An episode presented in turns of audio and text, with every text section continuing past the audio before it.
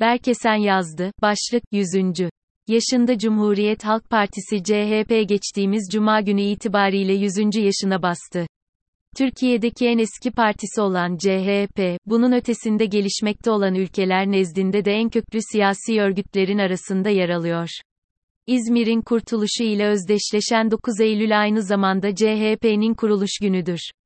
Türlü badireler atlatan CHP, geçtiğimiz cuma günü itibariyle 100. yaşına bastı.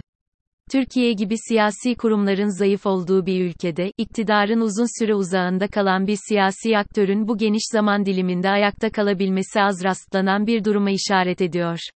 Nitekim CHP Türkiye'deki en eski partisi olmanın ötesinde gelişmekte olan ülkeler nezdinde de en köklü siyasi örgütlerin arasında yer alıyor. CHP uzun süre varlığını devam ettirmesini değişen dönem koşullarına, bazı durumlarda geç bile olsa, adapte olarak kendini yenilemesine borçlu. Kurucu parti CHP, 9 Eylül 1923'te müdafaa hukuk cemiyetlerinin partileşme kararı almalarıyla ortaya çıktı.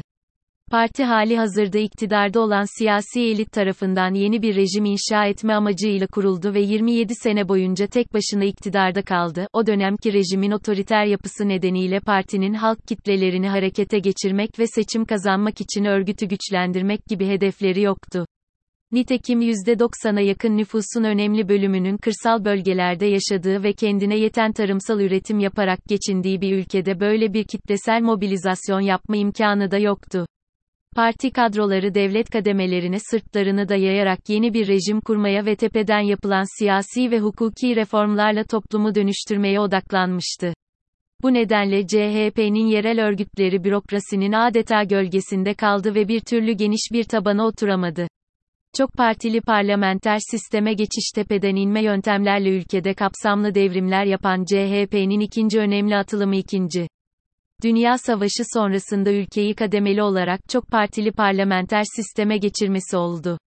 Bu noktada partinin o dönemki lideri İsmet Paşa'nın parti içinden gelen direns rağmen süreci sonuna kadar götürmesinin altını çizmek gerekiyor. Tek parti döneminde güçlü bir örgüt yapısı inşa edemeyen ve geniş halk kitlelerini harekete geçirmekte zorlanan CHP 1950 yılında düzenlenen adil ve serbest seçimleri Demokrat Parti karşısında kaybetti. Seçim yenilgisi sonrasında CHP'nin iktidarı hiçbir zorluk çıkarmadan DP'ye bırakması büyük tarihsel öneme sahiptir. Sadece Türkiye'de değil, Orta Doğu coğrafyasında bile emsalsiz bir örnek olarak karşımızda durmaktadır. Türkiye çok partili hayata geçtikten sonra CHP kendisine bir taraftan demokratik rejimi ayakta tutmaya çalışırken, öte taraftan laiklik başta olmak üzere devrimleri koruma misyonu üstlendi. Bu görev kapsamında 1950'lerin ikinci yarısında otoriterleşen DP iktidarı karşısında hoşnutsuz şehirli kitlelerin sesi oldu. 1957 seçiminde diğer muhalefet partilerini bir araya getirmeye çalışarak ve 1959'da ilan ettiği ilk hedefler beyannamesiyle DP'nin ülkede otoriter bir parti devleti inşa etmesinin karşısında durdu. O dönem otoriter DP yönetimi askeri bir darbe aracılığıyla değil, CHP tarafından sandık yoluyla iktidarını kaybetmiş olsaydı Türkiye'de demokrasisinin makus talihi çok farklı şekilde gerçekleşebilirdi. Ortanın solu açılımı CHP 3. büyük açılımını 1960'lı yılların ikinci yarısında kendisini ortanın solunda konumlandırarak yaptı. Partide yükselen ortanın solu ekibi parti programını sola çekmekle kalmadı, aynı zamanda CHP'nin tek parti döneminden beri devam eden örgütsel eksikliklerini telafi etmeye çalıştı, iktidarda kurulan ve devlet bürokrasisine dayanan partiden Halk Partisi olma yolunda önemli adımlar atıldı. Parti örgütü kent yoksullarına, sanayi işçilerine ve köylülere açıldı. Ayrıca Kemalist devrimlerin yeterince dönüştüremediği toplumsal yapıya yönelik sol bir program gündeme geldi. Partide yaşanan bu dönüşüm ortanın solu grubunun sözcüsü Bülent Ecevit'in Cumhuriyet'in ikinci adamı ve partinin emektar genel başkanı İsmet Paşa'nın yerine geçmesiyle zirveye ulaştı. Bütün bu gelişmeler sonucunda CHP, 1965 seçimleri sonrası apartmanı iktidarı ve 1970'lerin ikinci yarısında milliyetçi cephe hükümetleri karşısında artık sadece demokratik rejimin değil, Türkiye'de yükselmeye başlayan solun bayraktarlığını yaptı. 12 Eylül DARBESI ardından CHP 12 Mart muhtırasından farklı olarak 12 Eylül darbesi CHP'ye ağır bir darbe vurdu. 1981'de CHP diğer siyasi partilerle birlikte kapatıldı. Nokta. Partinin taban oluşturmak için birlikte hareket ettiği sendikaların çoğu kapatıldı. CHP Genel Başkanı Bülent Ecevit başta olmak üzere partinin önemli gelen isimlerinin çoğu siyasi yasaklı hale geldi. Ortaya çıkan boşluğu 1980'li yıllarda İsmet Paşa'nın oğlu Erdal İnönü'nün liderliğindeki Sosyal Demokrat Halkçı Parti kapatmaya çalışmakla birlikte, 1990'larda artan PKK terörü ve yükselen İslami Hareket merkez soldan güçlü bir iktidar seçeneğinin çıkmasını engelledi. SHP'nin kamuoyuyla paylaştığı Kürt raporu ne yazık ki kapsamlı bir reform paketine dönüştürülemedi. Özellikle Deniz Baykal dönemine karşılık gelen 1990'lı ve 2000'li yıllarda CHP, İslamcı ve Kürt siyasi hareketin yükselişinin yarattığı toplumsal ve siyasi dönüşüm karşısında sendeledi. Bu gelişmeler karşısında merkez sol, sosyal demokrat bir tavır geliştirmek yerine giderek devletçi, tutucu ve tepkisel bir pozisyona savruldu. Türkiye'de toplumsal değişimin dinamizmini İslamcı harekete kaptırarak, tabanı şehirli orta sınıf, memur ve Alevi kesimlere sıkıştı. Kılıçdaroğlu dönemi Baykal döneminde partinin içine düştüğü bu durum CHP'yi AKP karşısında muhalefete sıkıştırdı.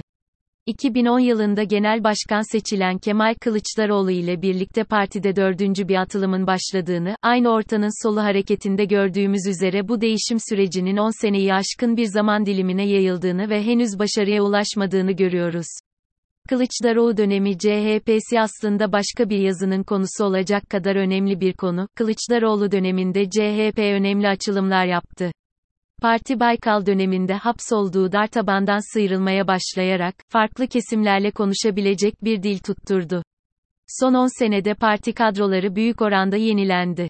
Daha enerjik, seçim kazanma odaklı bir yapı en azından bazı bölgelerde oturtulabildi.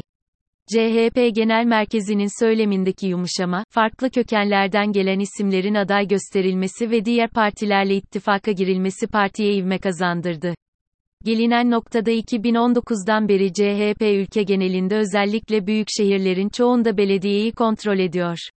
2000'li yıllarda partinin kapatılarak müze haline getirilmesini savunan bazı liberal sol çevrelerin bile günümüzde otoriter rejimi değiştirmesi için CHP'den medet umduğunu görüyoruz. CHP'yi yeterince sol veya Kemalist olmamakla suçlayan isimlerin kurdukları partiler ise sandıkta silindiler. Yeni dönemde CHP bu başarı tablosu bir süredir CHP'yi ana muhalefet partisi olmanın ötesinde otoriter rejimi sandık yoluyla değiştirmeye çalışan muhalefet bloğunun kilit partisi haline getirdi. 100. yaşına giren CHP 2023 seçimlerinde kendi kurduğu cumhuriyeti keyfi bir otoriter rejimden kurtarma misyonunu üstlenmiş durumda. Fakat partinin seçim başarısını kapsamlı bir rejim değişikliğine çevirebilmesi için kadrolarını yenilemesi ve Türkiye'nin değişen toplumsal yapısını kucaklayacak ve sorunlarına çözüm sağlayan program oluşturması gerekiyor. CHP'nin önümüzdeki aylarda atacağı adımlar Türkiye demokrasisinin makus talihini değiştirebilir.